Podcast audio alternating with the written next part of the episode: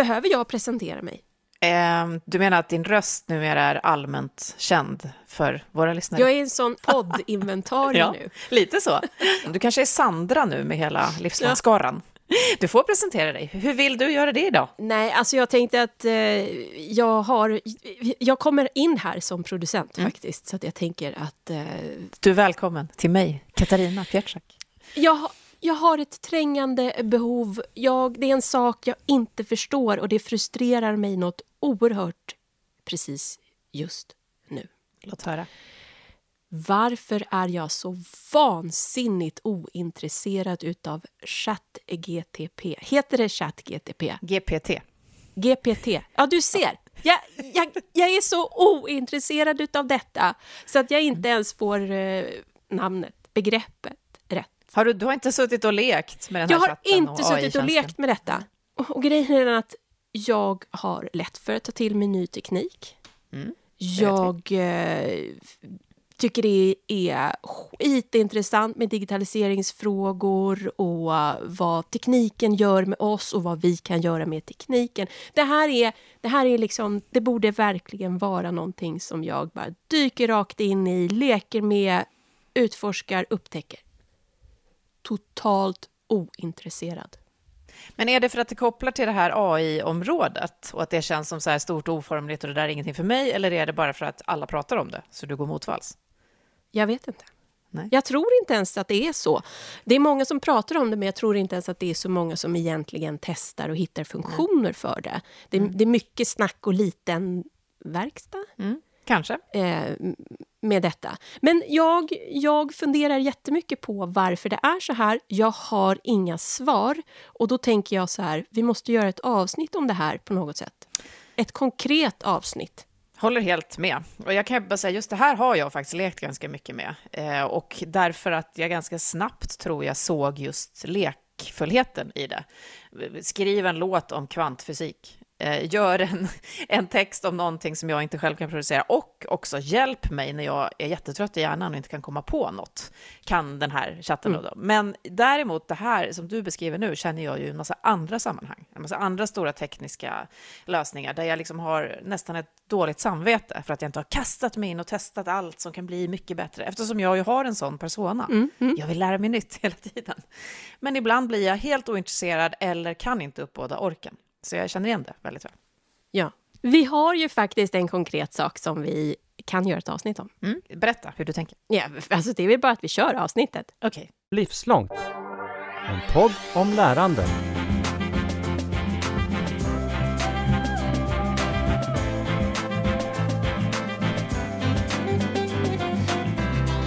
Micke Kring, ja. hej! Hej! Äh, det här är så roligt, det är därför jag börjar så här. För du har ju varit gäst i den här podden livslångt. Och du har nämnts minst, nej men vad ska jag gissa på, 10-20 gånger av andra poddgäster.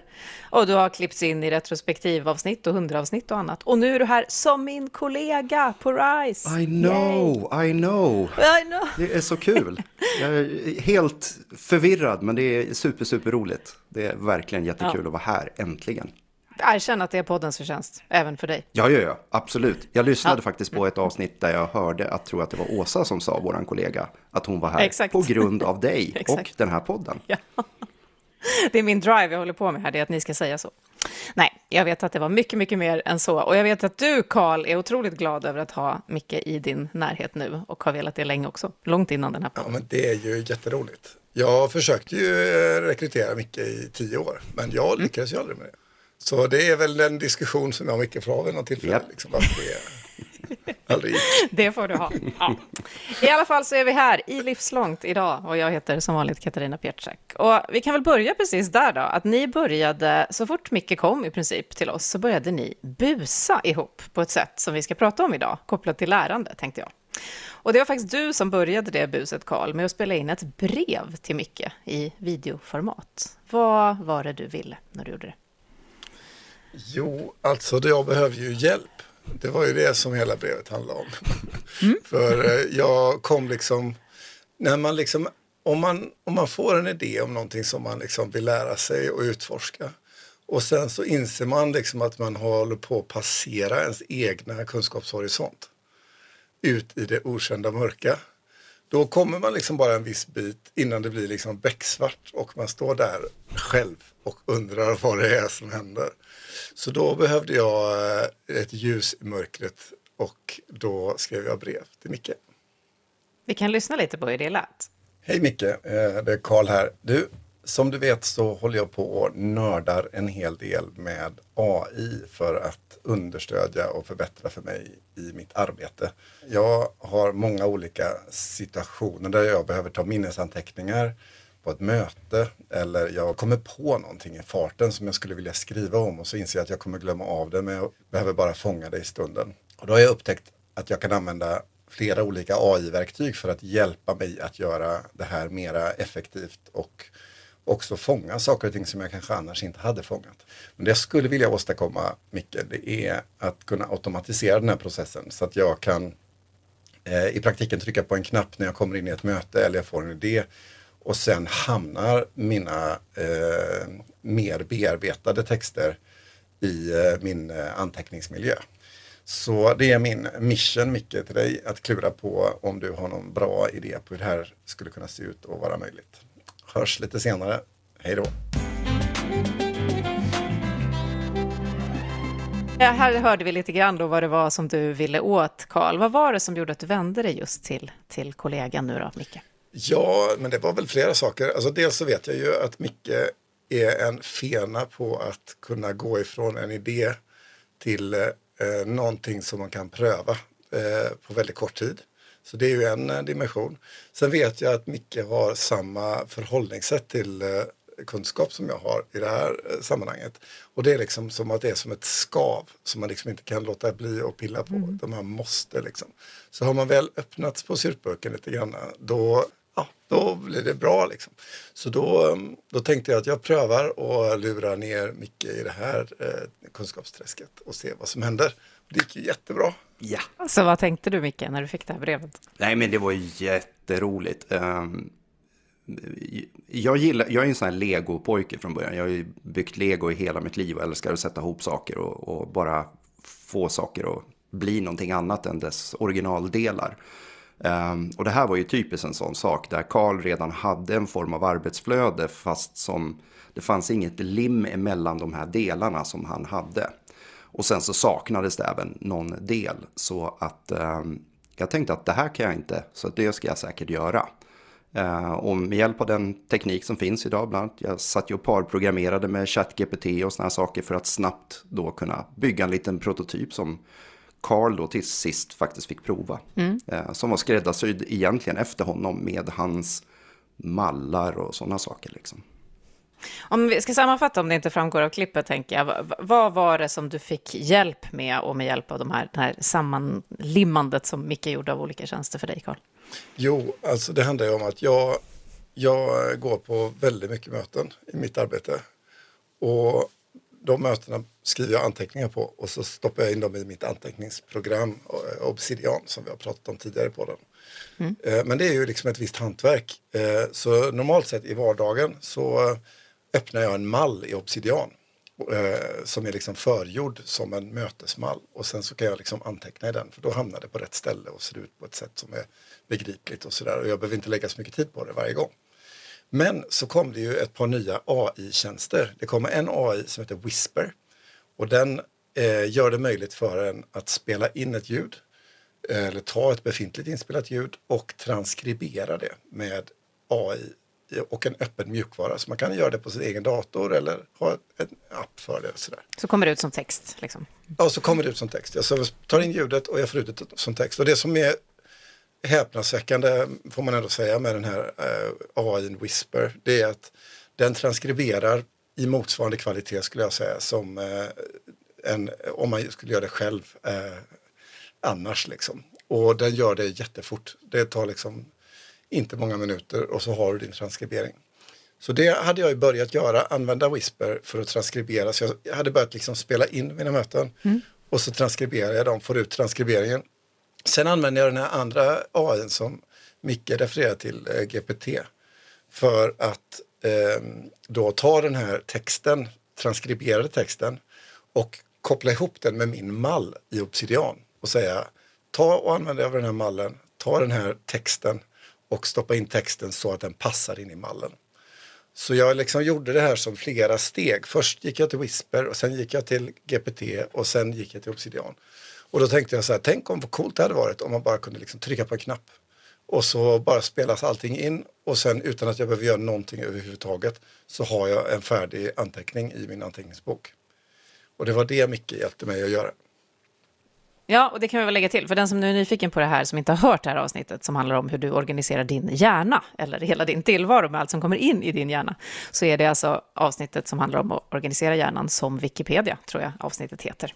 Och även de här AI-tjänsterna har vi nämnt i lite olika avsnitt. Så. Men det handlar om liksom att all, all, all input vi får in under vårt liv och vår dag i en hjärna, att det kan finnas sen och att hämta igen tillbaka när man behöver det. Så. Ja, just det där och liksom, alltså alla samtal man har på en dag och hur många gånger kommer man inte på så här, tänk om vi bara hade spelat in vad alla kloka saker vi sa nu, vad skönt det hade varit.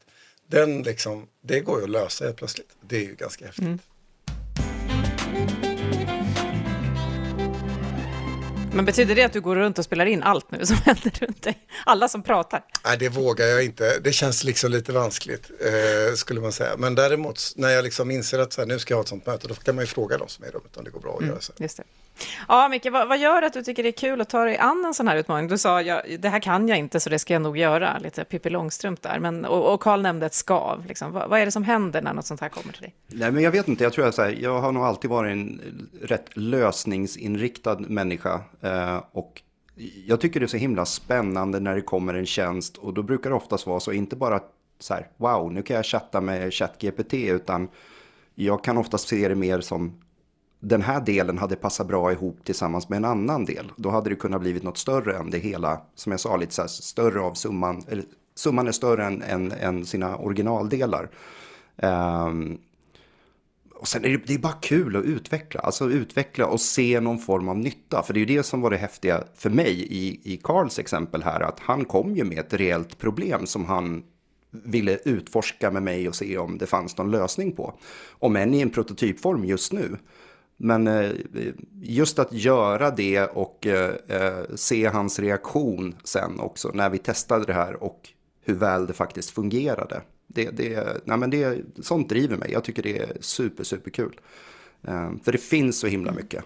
Sen, sen, finns det en annan drivkraft som ju förenar oss eh, mycket också och som gjorde att vi valde att liksom göra ett brev som var öppet. Det, det är ju en annan sak i just det här sammanhanget. att oftast, det, här, det är inte första gången som jag hör av mig till dig med någon form av eh, problem och så liksom resonerar vi fram och tillbaka kring det. Och, och så. Eh, men, men då är det du och jag som har hållit på och mecka med det och sen om det blir ett resultat så kanske man delar det. Men det vi liksom var, kände båda två här det var ju också att eh, själva resan av lärandet med de här nya tjänsterna är ju någonting som inte bara jag och Micke går och funderar på just nu, utan det är många andra som funderar på samma saker.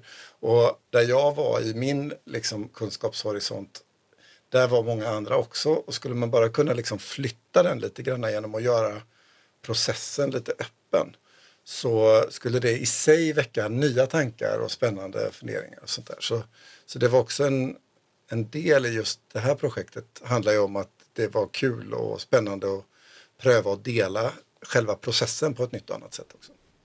Ja, för det var, det var, det var precis det jag tänkte också, att eh, både Karl och jag är ju rätt eh, vana med att dela med oss av saker, men då är det oftast färdiga resultat, precis som Karl säger. Här var det ju resan, vi visste ju egentligen kanske inte riktigt hur bra det skulle bli. Eh, när vi spelade in den sista lilla filmen, när, vi, när jag lät Karl testa Diane, då, som vi kallade vår lilla prototyp med en Twin Peaks-vinkel där. Eh, det, var ju, det var ju faktiskt första gången han fick testa Diane. Jag visste inte om det skulle funka eller inte riktigt så. Så det var verkligen genuina känslor. Men just att det här tror jag slog an någon sträng hos många som tittade på de här, eller kom, var med och kommenterade och faktiskt satt massvis med smarta tankar i mitt huvud på hur man skulle kunna använda en sån här produkt som inte ens jag hade börjar prata om sjuk, eller ja, äldrevård, eh, sjukhus, all, allt möjligt. Eh, vilket var super, super häftigt att se den feedbacken. Eh, så att jag tror att den här typen av, på något sätt så här, publik utveckling av saker är någonting som jag verkligen skulle vilja göra mer av. Jag tror att det skulle gynna många. Diane, 11.30 a.m., February 24th. entering the town of Twin Peaks. Five miles south of the Canadian border, 12 miles west of the state line. Never seen so many trees in my life. Hej Karl och alla ni andra. Vi kör! 54 degrees on a slightly Och tittar vi här nu så har vi en färdig mötesanteckning. Genomförande, syfte och mål, bakgrund, allting. Jag tycker det här är riktigt häftigt. Hej Diane. Jag skulle vilja göra en minnesanteckning över det senaste mötet jag hade här. Där vi diskuterade hur vi kan göra för att bättre nå ut med lite olika forskningsresultat. Och vi landade i tre olika scenarion. Okej, okay, då ska vi se hur det här blev. Jag klickar på skapa idé. Nej, det är ju helt otroligt. Titta, jag bara trycker på spela in. Jag berättar och den bara omvandlar det hela rätt upp och ner till en anteckning. Ja, nej, det är ju superhäftigt. Oh, Diane, I almost forgot. Got to find out what kind of trees these are. They're really something. Ja, för ni fick ju väldigt stor och fin respons får man ju verkligen säga. Vad, vad, är det för behov som ni har träffat? Det är det som gör att jag har bjudit in er här idag, eller vill prata om det här. Vad, vad är det för behov det här har träffat, tror ni? Vad är det? Du, du sa att det här kanske fler har, Karl, men det är ju inte alla som använder obsidian eller sådär. Men vad, vad är det som, som det träffar, tror ni? Men jag tror att dels så finns det ju i vår samtid just här och nu så finns det ju väldigt mycket diskussioner om AI och vad kan AI göra eh, mm. och inte göra. Eh, kommer det ta våra jobb eller kommer det hjälpa mig i arbetet? Eller, alltså det finns ju så många olika parallella samtal. Det, det flesta tror jag har liksom prövat någon av de här tjänsterna eller sett det prövas eh, varit med när någon har liksom visat hur funkar en sån här chatt-GPT-grej eller så. Många har varit inne i det. Och, och, men det är en sak att liksom se någonting eh, i en show and tell situation. Och det är en annan sak att omsätta det till någonting som, har en liksom, eh, som är värdeskapande på riktigt. Liksom, som faktiskt genererar ett värde för en själv i vardagen. Direkt, och att då kunna skräddarsy det på något sätt. Ja, direkt. Och att, att själv liksom äga makten över, det är lite grann liksom, det blir nästan marxistiskt. Alltså att äger man eh, makten över ens produktionsmedel så är man fri på något sätt. Och i det här fallet så, så blir det lite grann så att jag tar hjälp av Mickes kunskap i att kunna omsätta kod till nytta och värdeskapande för mig. Och, och eh, lär mig den processen. Och jag tror att, att just titta in i det och att se att, ha, men om det, men som du var inne på Micke, att folk hör av sig från liksom vården till personer i gruvindustrin eh, till flygplanstillverkare, mm, alla möjliga konstiga ändar av världen har hört av sig efter detta med sina tankar om hur de skulle kunna använda det eller göra en grej eller sådär. Och då tror jag att ja, det är väl en klangbotten i samtiden kring just det här nyfikenheten av vad som går att göra. Eh, jag, jag tänkte bara säga det också, vi pratar ju någonting, jag och Karl också, det här med eh, någonting som jag har brunnit för länge också, men det här med att eh, bara med hjälp av lite enkel kod, att faktiskt kunna bygga sina egna verktyg. Och det här med att förflytta, för jag tror att de flesta av oss som sitter på kontor eller var nu än är någonstans, vi tänker på IT som någonting man köper in, det är färdigt och klart. Mm. Men att med ganska enkla medel och speciellt idag, just när det, det är så mycket tjänster och sånt som blir tillgängliga, så kan vi faktiskt vara med och bygga våra egna verktyg som är helt skräddarsydda efter oss själva eller kanske efter, för sin avdelning eller vad det nu än är för någonting. Uh, och det tror jag också är en enormt stor kraft som, som jag tror en del känner igen när de ser de här sakerna. Wow, kan, man, kan, kan någon göra det? Och jag är ju verkligen ingen, jag är ingen programmerare. Jag kan så pass kod att jag kan sätta ihop legobitarna, men jag, liksom, det är inte mer än så. Och det tror jag kan bli en otrolig styrka som, som många har huckat på också.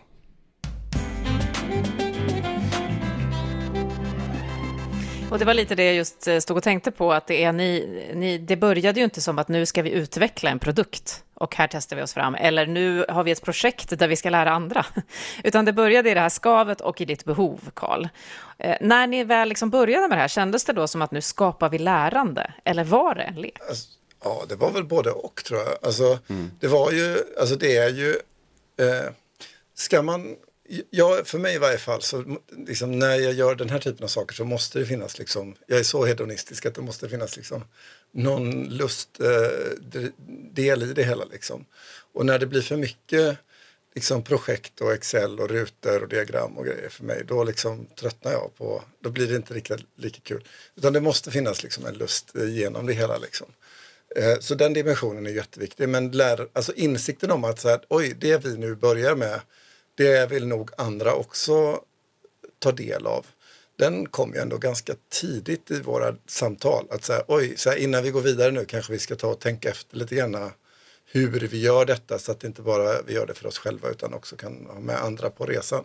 Så den dimensionen, jag vet inte riktigt när vi landade i det men mm. ganska fort ändå. Ja men jag tror det. Jag tror att speciellt när vi började prata lite grann om vad det här verktyget skulle kunna vara. Jag menar, nu använder du till exempel Obsidian, men det hade lika gärna kunnat vara i skicka in anteckningarna i Teams eller som ett Word-dokument i bla bla bla eller hit och dit. För jag, du Katarina pratade ju om det, ja, men alla vet kanske inte vad Obsidian är, men mm. det var nog inte det viktigaste, utan det var ju mer bara att den här automatiseringen av att, så här, wow, det här som vi pratade in nu finns nu rätt bra sammanfattat. Um, och det tror jag var, och jag vet att Carl, du sa i något möte som vi hade det här, vad händer med en själv när man går från att vara sin egen sekreterare till att vara sin egen justerare? Um, det är också någonting mm. sådär, att man faktiskt kan sitta och reflektera över det. Men jag tänker på alla möten där man sitter och antecknar, när man faktiskt inte har full, full kognition, liksom, för att man sitter och håller på och skriver samtidigt som man ska försöka vara involverad i ett möte, bara det. Ehm, men sen tror jag ganska fort också, de här, redan från början, så just det här när det kommer från vården, jag hade inte ens tänkt på vård, vårdbehovet av, jag menar all dokumentation som sker där. Mm. Ehm, man börjar komma in på saker där till exempel folk som jobbar inom vården som inte har svenska som modersmål tänker att snabbt kunna prata in på arabiska eller om det är det som är ens modersmål och det sammanfattas på svenska direkt in. För de här Whisper och ChatGPT de pratar ju typ hundra olika språk. Så att alltså, och börjar man tänka på de bitarna så här, wow, vad skulle det göra med, med just möjligheten att kunna fokusera på faktiskt kärnuppdraget istället för att det här, nu skämtsamt, lullullet runt om som, mm. som är ack så viktigt, men, men att kunna reducera den tiden. Um, så att, ja, jag tycker det har varit mycket, mycket spännande grejer som det här har fört med sig. Det hissnar lite för mig också som eh, alltid är väldigt fokuserad när någon pratar med mig. I, min, I min roll så har det alltid funnits ett sånt element som facilitator eller som programledare eller som coach. Och jag, om jag antecknar samtidigt, tappar en väldigt stor del av den närvaron. Så då gör jag inte det. Och sen sitter jag och sliter mitt hår efteråt för att komma ihåg saker som var viktiga att komma ihåg. Så jag får också så hisnande tankar om egna behov. Du kanske kan bygga någon slags prototyp även till mig. Men lustfyllt var det i alla fall, Karl, när du fick då testa Diane. Ja, men det, det är väldigt roligt när man Alltså att ha en, det spelar ingen roll vad för någonting man har en idé om egentligen. Men det här när man går omkring och har en idé och så har man liksom byggt och grejat och sådär och sen så prövar man det liksom. Eh, och ser funkar det. Det är ju som matlagning eller vad som helst, man liksom prövar recept. Alltså, det händer ju någonting i det här när man har jobbat eller investerat lite tid eller väntat på någonting och så prövar man och så finns det liksom en förväntan som man inte riktigt vet vad den kan innebära och så inser man så här, oj, mm. det, alltså det funkar det här. Det är ju det funkar ju mycket mer än vad vi trodde att det skulle funka. Eller vad jag trodde att det skulle funka i varje fall. Jag blev väldigt... Eh, och det var ju då när jag inser att så här, oj, det funkar. Då far ju tankarna för mig iväg kring liksom, okej, okay, om det här funkar då? Vad är nästa grej efter det? vad, vad betyder det? Vad får det här för konsekvenser? Och då blir det ju genast lite svindlande på en gång. Hur var det för dig Micke när du, när du såg det du själv då hade byggt funka så här? Ja, eftersom det, det var ju liksom ingen klassisk utveckling på det sättet. Så jag hade ju bara suttit själv och pratat med Diane då. Eh, så att jag visste ju att det funkar, men man blir alltid nervös när man ska visa upp det för någon annan. Och framförallt då, eftersom det var på distans så fick ju Karls röst komma ut genom min dator, så det var ganska dåliga förutsättningar. Och trots det så funkade det så fruktansvärt bra. Alltså det är så stört. Ja, och det var så härligt att se Karl när han slänger sig tillbaka i stolen och vad roligt. Ursäkta att jag svär bara, men alltså det är så... Alltså det är så stört. Jag är tvungen att blipa ut lite, lite ord där. Um, uh, nej, men, men det var verkligen, det var så himla roligt. Det var verkligen det. Och bara att, att det funkade. Ja, men Carl, nu när du har fått sett ett exempel här på hur ditt digitala flöde automatiserats. Vad, vad, vad är din första? Men jag är ju helt, jag är, måste säga att jag är superfascinerad på, ja vad kan det vara, en dag eller någonting, alltså eller några timmar. Approximately 10 hours later. Så har du liksom eh, kodat ihop alla de här eh, stegen som jag har gjort runt omkring AI.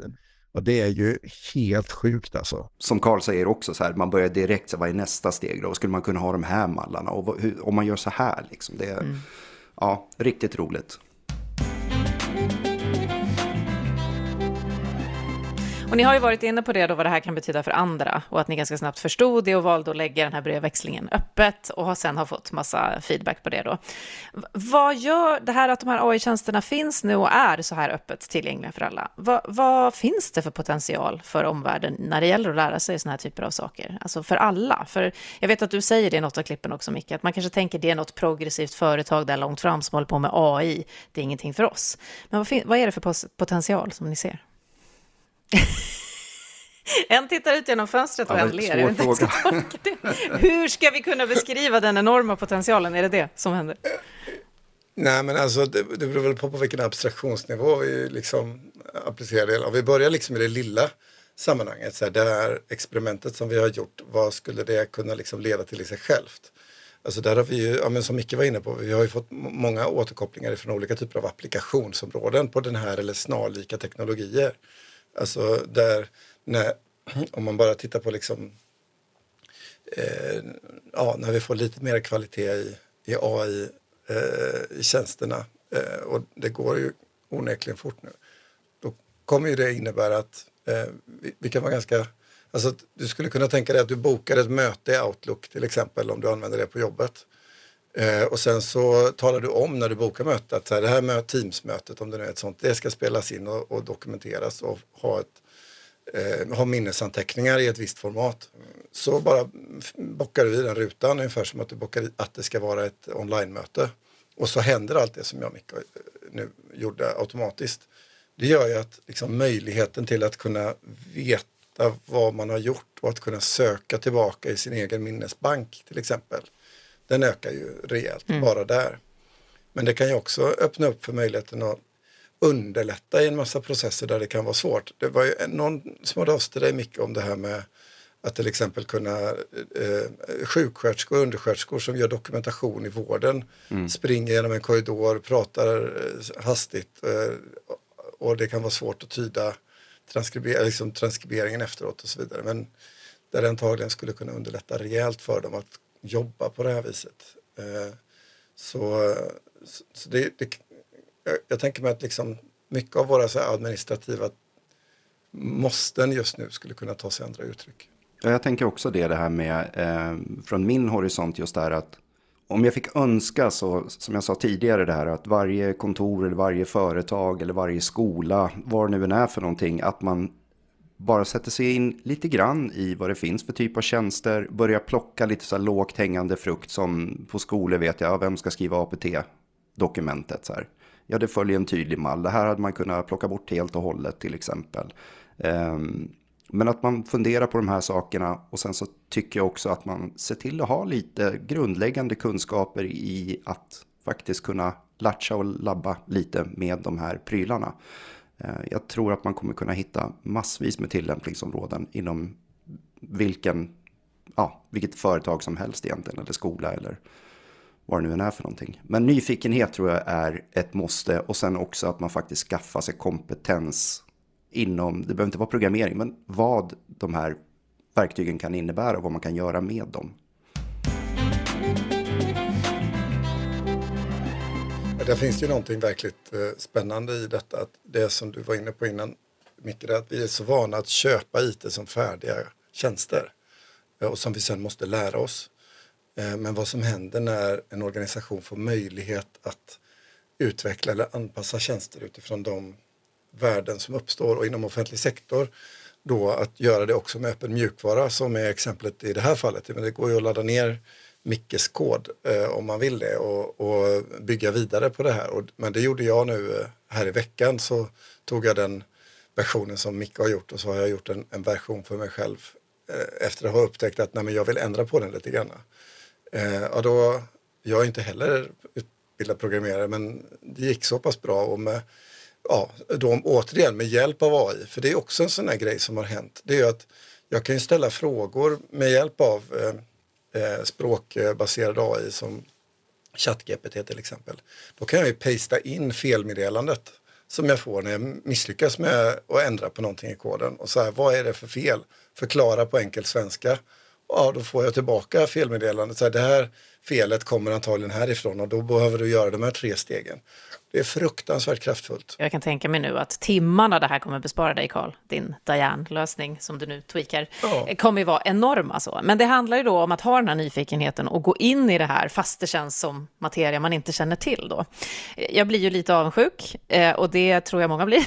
varför, kan, varför gör ni bara det här? Och som en lek, liksom, när inte alla gör det. Kan vi orda lite om det här med att busa, leka och lära?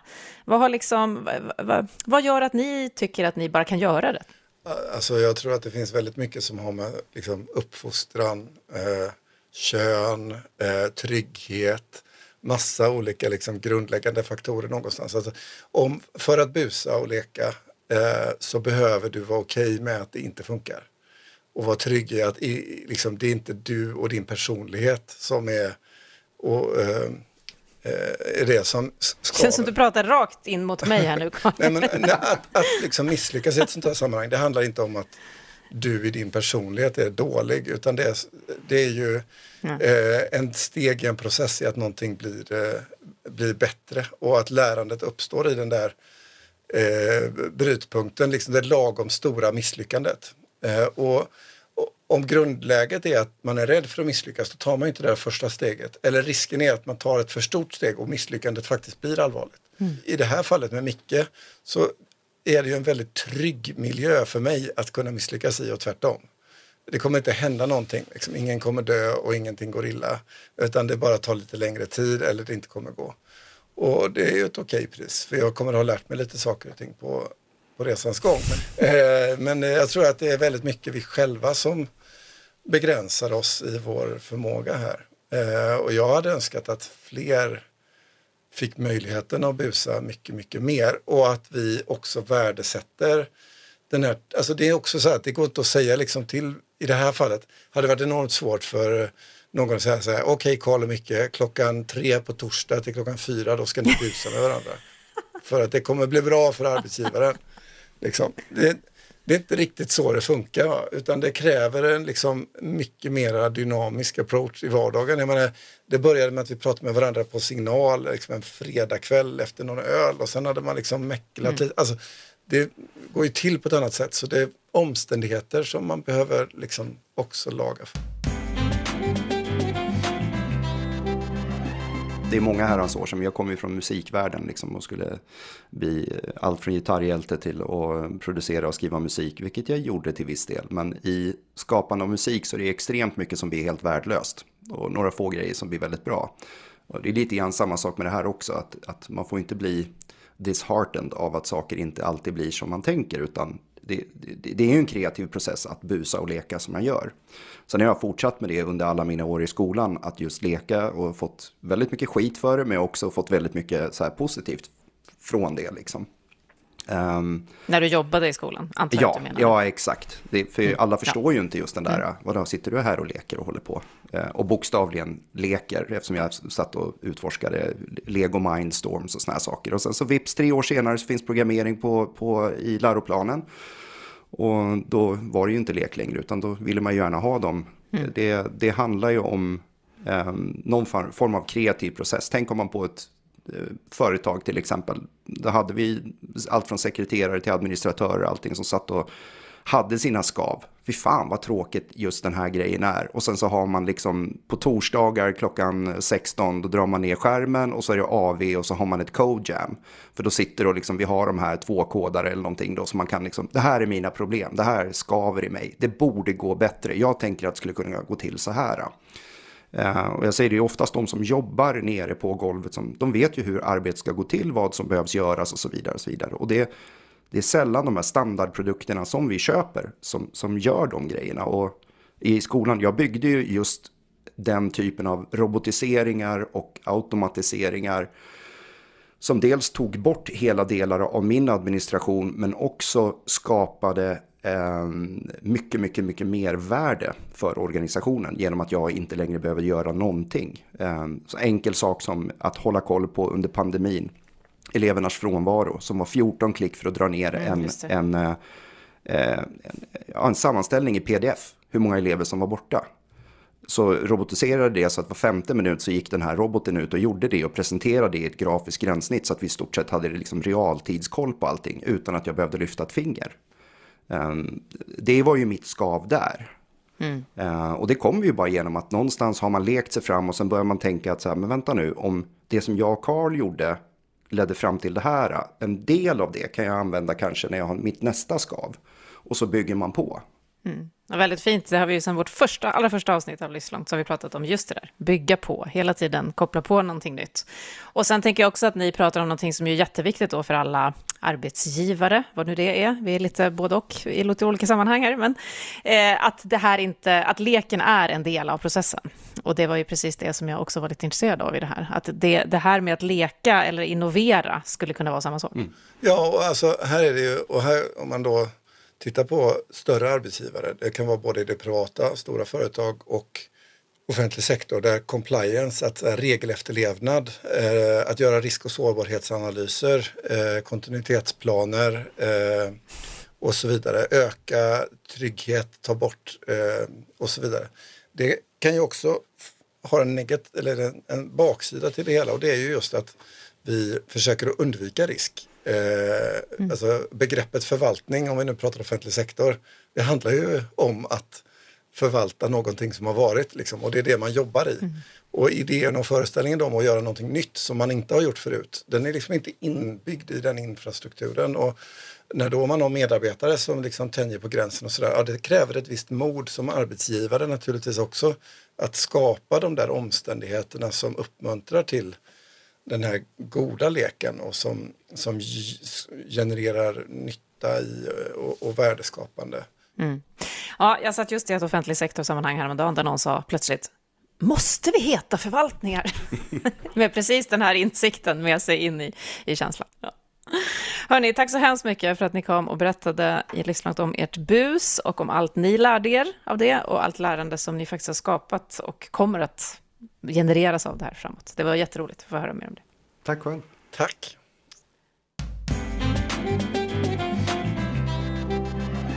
Och nu eftersnacket. Vet du vad Katarina, nu känner jag... Känner du dig dum? Eh, nej, nej. Ja, alltså, jag känner mig dum i, i bemärkelsen att jag inte själv förstår mitt eget ointresse. Ehm, och eh, jag funderar ju jättemycket på, när jag hör samtalet här, så funderar jag jättemycket på vad man ska göra för att våga testa, Yes. orka testa, leka, busa och att... ehm, Mm. För att jag tänker att jag har inga problem att göra ett, eh, antingen ett, ett praktiskt testande om jag har en arbetsuppgift som jag måste lösa till exempel. Ehm, jag kan även hitta det här på fritiden så att säga. Men just här, vad tänker du? Jag tänker att det här skavet som Micke och Karl pratar om, att det, att det väcks någonting som de måste klia på, tror jag Karl uttryckte det som. Att det, det kan jag ju också få. Jag har tillbringat eh, 72 timmar med att försöka hacka system för att jag har köpt en ny röststyrd högtalare när det kom och sådär. För, att för att det är någonting som växer mig, bara jag ska klara det här. Men det här är ju kanske lite precis som du beskriver, att det, dels är det någonting som alla nu säger, men det här, är, det här ska hjälpa oss så mycket och det är kanske lite svårt att se eh, behovet direkt kopplat. Och sen så tänker jag, hur ska vi få plats? Alltså vad trängs här uppe i våra hjärnor? B- Barn, logistik, vardag, eh, jobbleveranser. Det är lätt att säga att vi alla bör få leka oss fram till någonting, men vår, alla strukturer runt oss är inte riggade för det. Liksom. Så då kan jag också ibland känna mig, det var därför jag frågade om du kände dig dum, för jag känner mig dum för att jag inte bara hittar den platsen eller, eller buset eller lekfullheten. Men jag känner också att det inte är så lätt att alltid göra det. Det är lätt att säga. Sen funderar jag ju jättemycket på ifall det är just den här grejen med hela AI, eh, att, det, att det blir så stort. Mm. Och samtidigt är det så här, jag använder ju massa funktioner, digitala funktioner och tekniska funktioner som ju faktiskt är AI redan. Precis, har. Eh, så mm. det, det, är ju egentligen inget konstigt, absolut inte. Jag kan ju vara ganska respektlös, va? Det kanske redan har märkts här i den här podden, men jag skulle vilja ha ännu lite mer, för det tycker jag att vi får till oss här, att det blir det här buset och leken som Karl och Micke pratar mm. om. Mm. Jag skulle vilja leka mer och busa mer och, och vara lite mindre respektfull för, nu kommer någon jättestor AI-lösning som kan antingen rubba eller utveckla allt. Att det var lite mer så här, ja, kanske man kunde leka lite mer med det här för att det skulle då frigöra någonting annat. Så att det inte bara blir förbehållet vissa, mm. det är det jag far efter här, utan att det skulle kännas lite som, ja, det kanske är någonting som faktiskt inte är för svårt eller stort eller tråkigt, utan det är något för alla. Eh, sen tror jag, och jag funderar på här funderar jag faktiskt på om jag har börjat få en viss digital tröttma.